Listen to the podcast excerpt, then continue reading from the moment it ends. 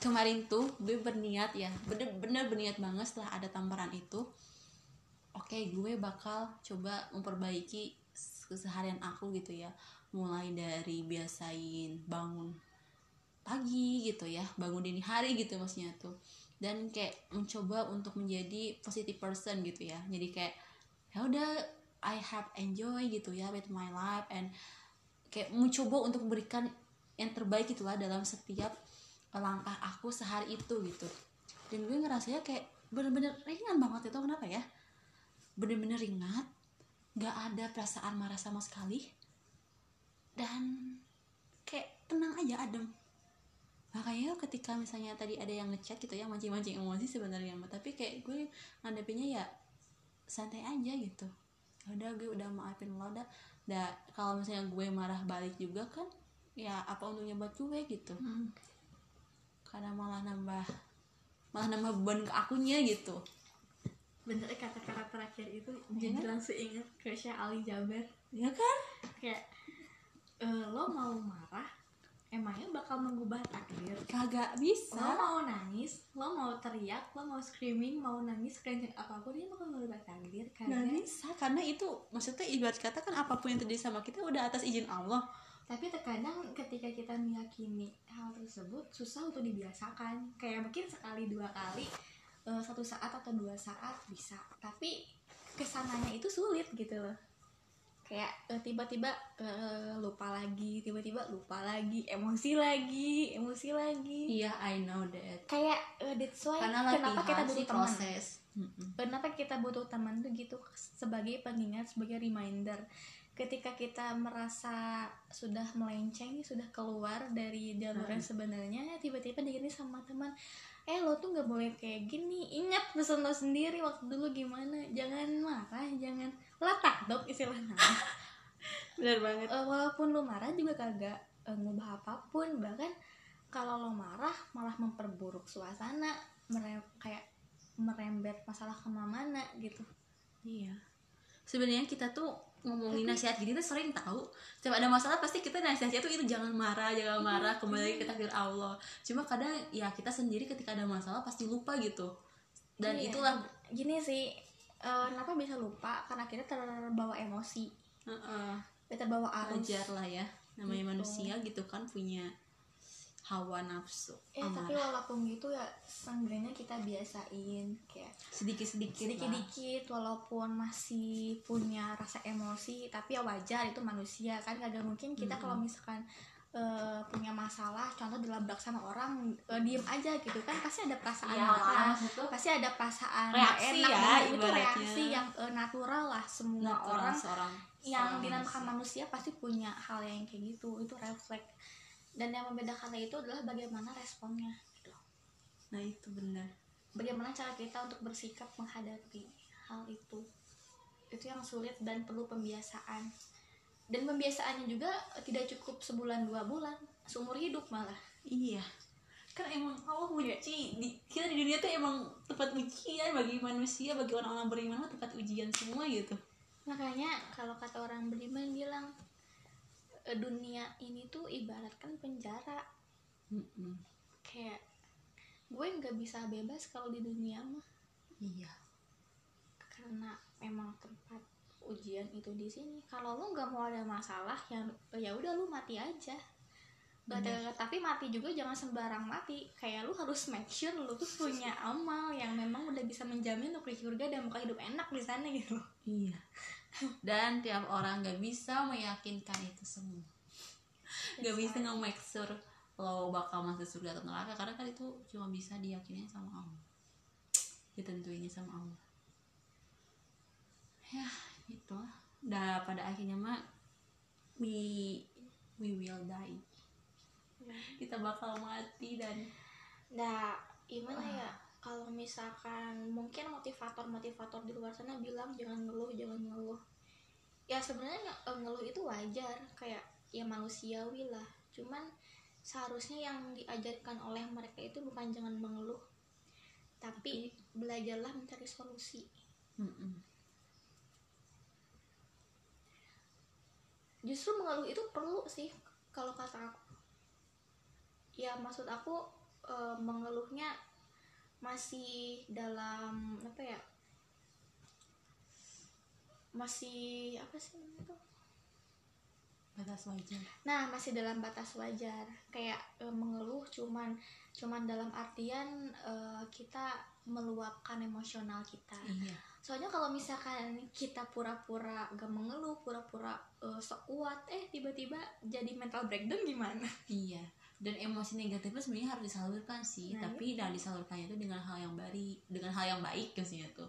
Seperti misalnya kita lebih baik bercerita atau misalnya kita eh, misalnya bisa diekspresikan lewat karya bisa gitu lebih baik gitu. Daripada kita mengekspresikannya lewat ya hal-hal yang buruk kan itu nggak baik gitu. negatif kayak minum-minuman, nah itu. Kayak nyoba-nyoba sabu, alkohol Mm-mm. kayak gitu. Itu malah memperburuk. iya soalnya Ada. emosi emosi negatif kayak misalnya ibaratnya kita misalnya jadi orang tua asik jadi orang tua jadi Asik jadi orang tua. Oke, kalau misalnya ada anak misalnya kita punya anak nih ya ceritanya Oke.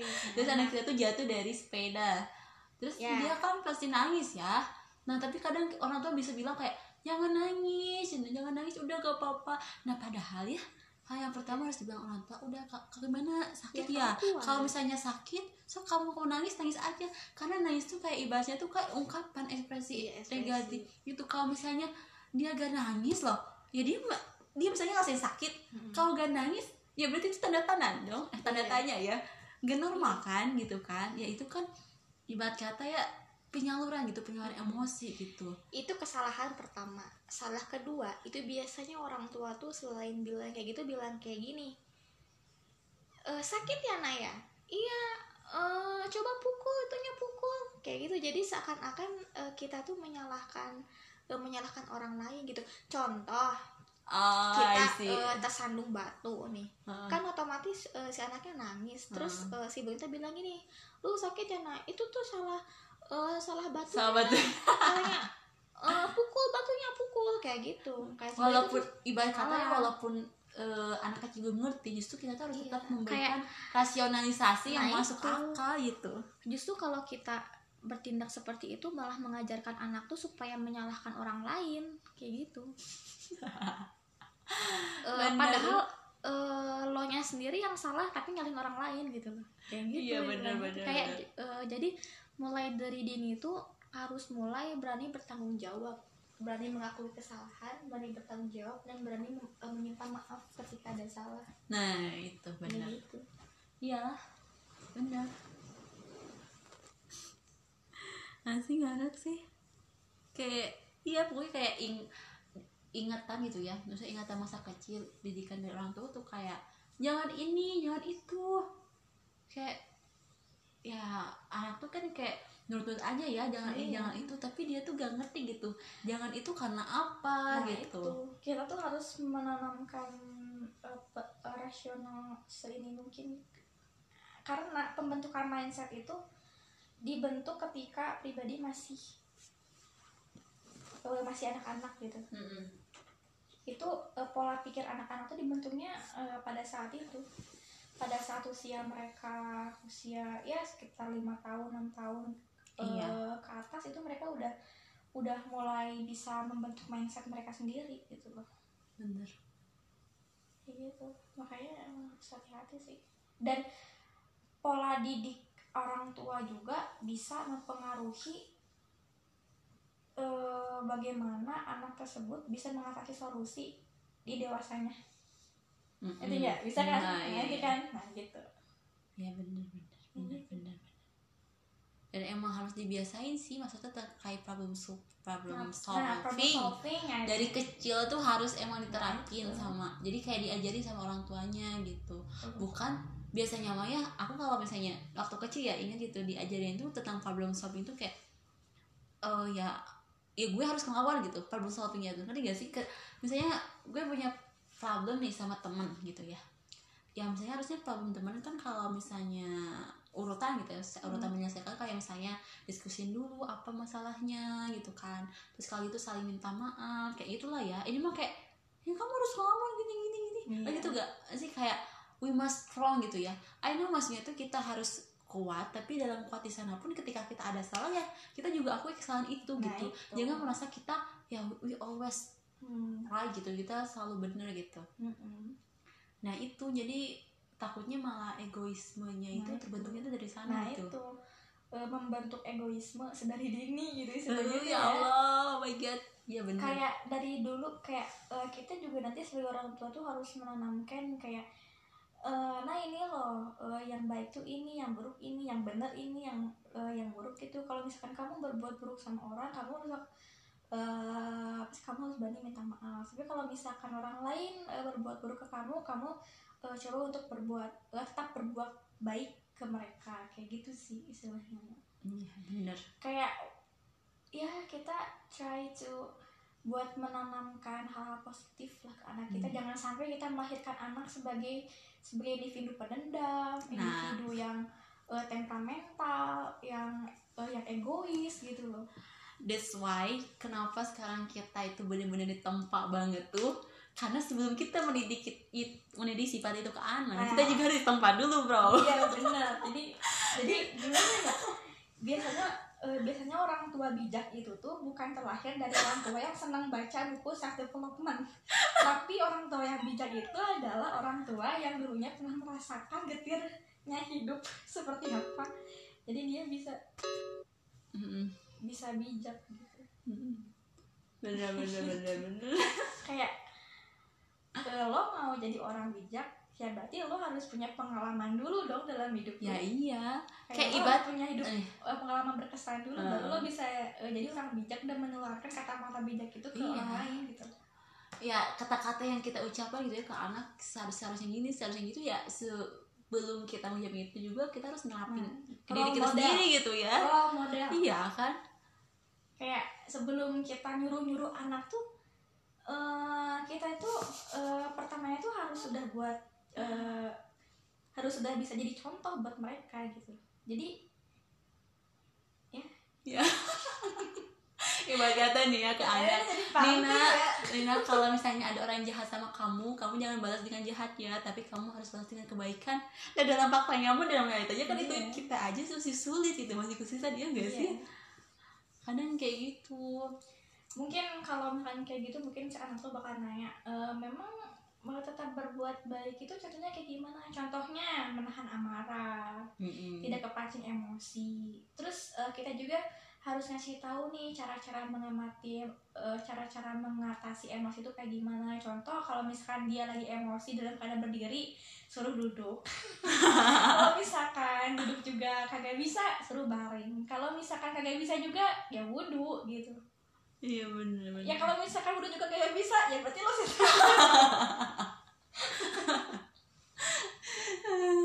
Iya iya iya. Ya Allah. Kayak gitu sih Eh, memang cara pandang seseorang itu atau cara cara problem solving seseorang itu tergantung dari didikan orang tuanya dulu sewaktu kecil sih Iya emang. lemah atau kuatnya mental seseorang itu ter- tergantung didikan mental orang tuanya pas waktu kecil kalau misalkan eh, si orang tuanya itu sering ngemanjain anaknya sok gue pastiin nanti dewasa mereka pasti bakalan orang yang cengeng Hmm. mentalnya lemah Mm. banyak ngeluh dan lain sebagainya Tapi bisa juga kalau misalnya didikan orang tuanya kurang dari sosialnya, dari iya sosialnya juga kurang pasti Kalau lah di- itu. Karena gini loh kalau misalnya eh, ibarat kata ya si anaknya itu misalnya punya prob misalnya didikan dari orang tuanya itu kurang. Terus kayak punya problem dari keluarganya kan banyak ya yang cerita kayak gitu.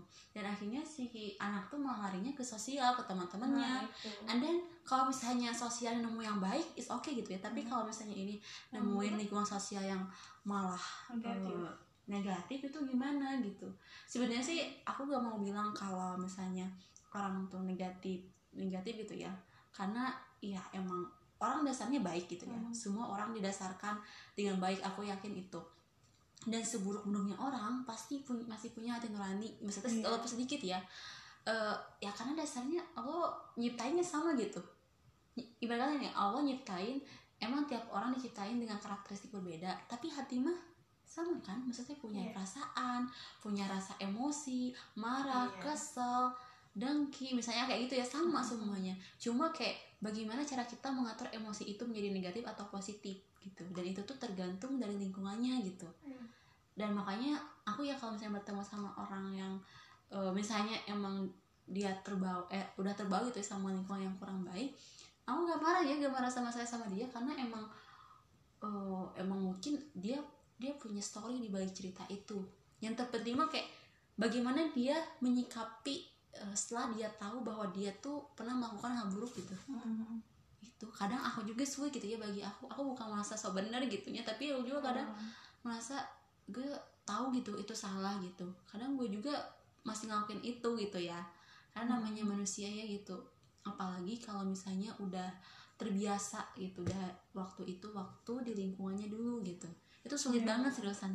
Iya. kayak kebiasaan buruk tuh. Makanya sih ini kayak jadi pelajaran lagi sih buat para orang tua orang tua di masa depan eh gila kayak gila gini loh pesan gue tuh kalau jadi orang tua jangan terlalu otoriter lah Mm-mm. kayak buatlah buatlah kita itu menjadi teman dekatnya dia bukan eh, bukan sekedar orang tua gitu maksudnya Mm-mm. tuh eh, kita juga harus bisa menempatkan atau me- memposisikan diri sebagai sahabat mereka gitu Mm-mm.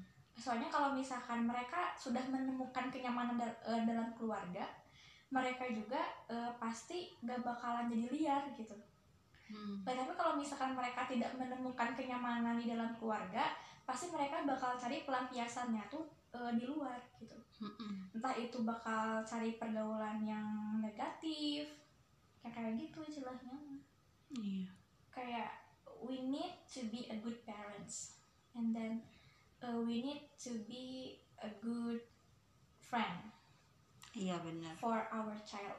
Itu loh our chill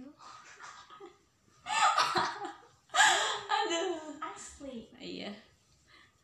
Iya iya iya. Kok bahasa kita udah jauh banget ya? Kita belum jadi orang tua tapi udah bahas-bahas orang tua nih. Bagus itu. Kayak kita tuh visioner kayak kayak kita sudah bisa kita bisa melihat depan gitu ya. Karena maksudnya sih prediksi prediksi apalagi nanti zaman makin sini makin ini kan. Iya. Karena ya sih ya makanya itu ya kata aku menikah tuh bukan hal mudah gitu. Karena we must prepare. Siap tadi karantinanya sekarang kan karena itu berhubungan ibu karena itu berhubungan. Maksudnya ya kita harus benar-benar prepare semaksimal mungkin gitu ya. Bukan berarti menelat-nelatkan gitu ya tapi enggak tanggung jawabnya besar gitu. You know gak sih? Eh, nikah tuh bukan cuma urusan pas cepet-cepet sama temen gitu. Eh lo udah Oh. nikah jangan dulu lo gue dulu. Ya udah sana jangan kayak gitu karena itu tuh seumur hidup loh. Jangan jangan dikira gitu. Jangan dikira not nikah tuh cuma eh, ya udah kayak seneng-seneng gitu kan. Eh, romantis romantisan aja kagak. Kagak. Justru lebih complicated tahu ketika masuk ke tahap itu. Kalau misalkan sekarang lo lagi kuliah terus lagi ngerasa depresi sama urusan eh, sama urusan kuliah lo terus eh, jalan keluar yang lo pikirin itu cuma nikah salah besar. Lo cuma nambah eh, nambah beban hidup lo aja kalau kayak gitu. Mm, bener. kayak sebenarnya nikah itu bukan bukan jadi jalan keluar untuk keluar dari depresi gitu dan malah itu tuh me- menjadi gerbang kepada dunia masalah dan menurut aku kalau dibilang menghindari masalah itu tuh gak mungkin. Iya. Kita gak mungkin banget dalam hidup kita kita menghindari masalah. Karena pada dasarnya setiap hari setiap langkah kita kita tuh selalu mengambil resiko. Yes. di mana resiko itu pasti ada masalah mungkin Yes. tapi kita melihat tapi tergantung lagi cara kita melihat masalah tersebut gitu. Apakah we looks itu adalah sebuah problem atau enggak gitu. Karena ya tiap hari tuh ini gak sih kalau misalnya kita bangun tidur kayak kita kan nggak tahu ya udah bangun tidur nanti ke depannya ngapain gitu ya. Nggak ada kan ibarat kita ngelangkah langkah aja ke ke depan mengambil resiko. Hmm. nah ada banyak yang orang bilang gue gak berani ngambil resiko. Padahal sehari harinya dia ngambil resiko kehidupan loh. Iya benar. Wih gue ingat Tapi kata-kata BTW, dari eh, tadi gue menggaris bawahi kata-kata yang eh, ketika bangun tidur kita tidak tahu apa yang kita lakukan sebenarnya salah oh kita tahu sebenarnya eh, kebiasaan atau habis orang-orang sukses itu adalah sebelum bangun tidur malamnya dia suka menuliskan dua atau tiga kegiatan yang Iya. bakal dia lakuin di hari keesokannya. Heeh. maksud aku tuh Ketika dia tidak punya plan untuk di hari itu, berarti dia tidak melaksanakan habis orang sukses. Oke iya. Maksudnya tiap orang pasti punya rencana ya. Maksudnya besok gue bakal ini ini jam segini mau ngapain. Tapi maksud tuh nanti dalam langkahnya itu dia gak tahu nih apakah em, sesuai atau Nah, enggak. iya, atau misalnya iya. nanti ada something yang terjadi atau gimana. Kan nggak tahu ya.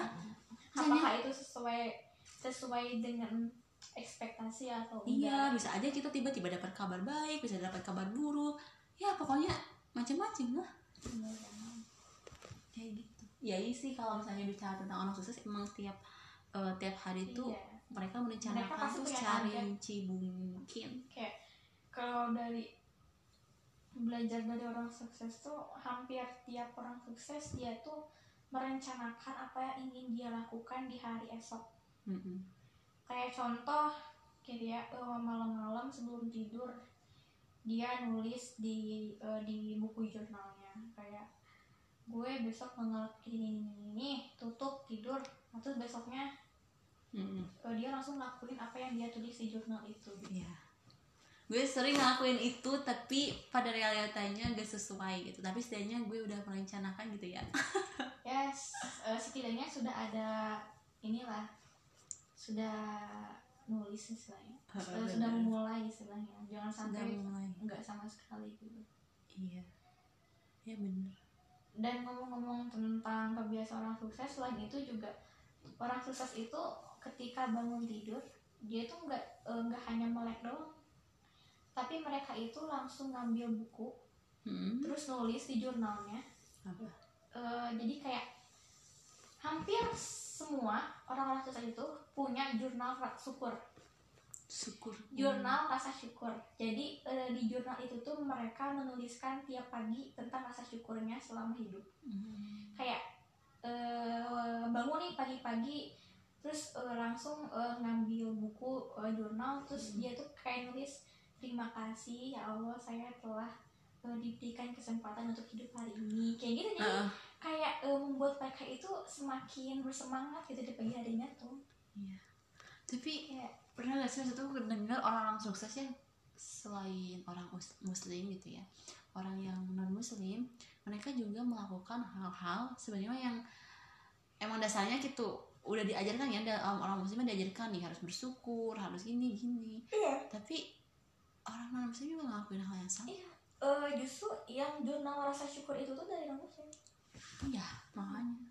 Justru eh, justru yang patut kita sedih itu sedih eh, gak kita sih. sendiri yang muslim tuh jarang bersyukur gitu. Nah itu tamparan banget ya. Kebanyakan itu gitu.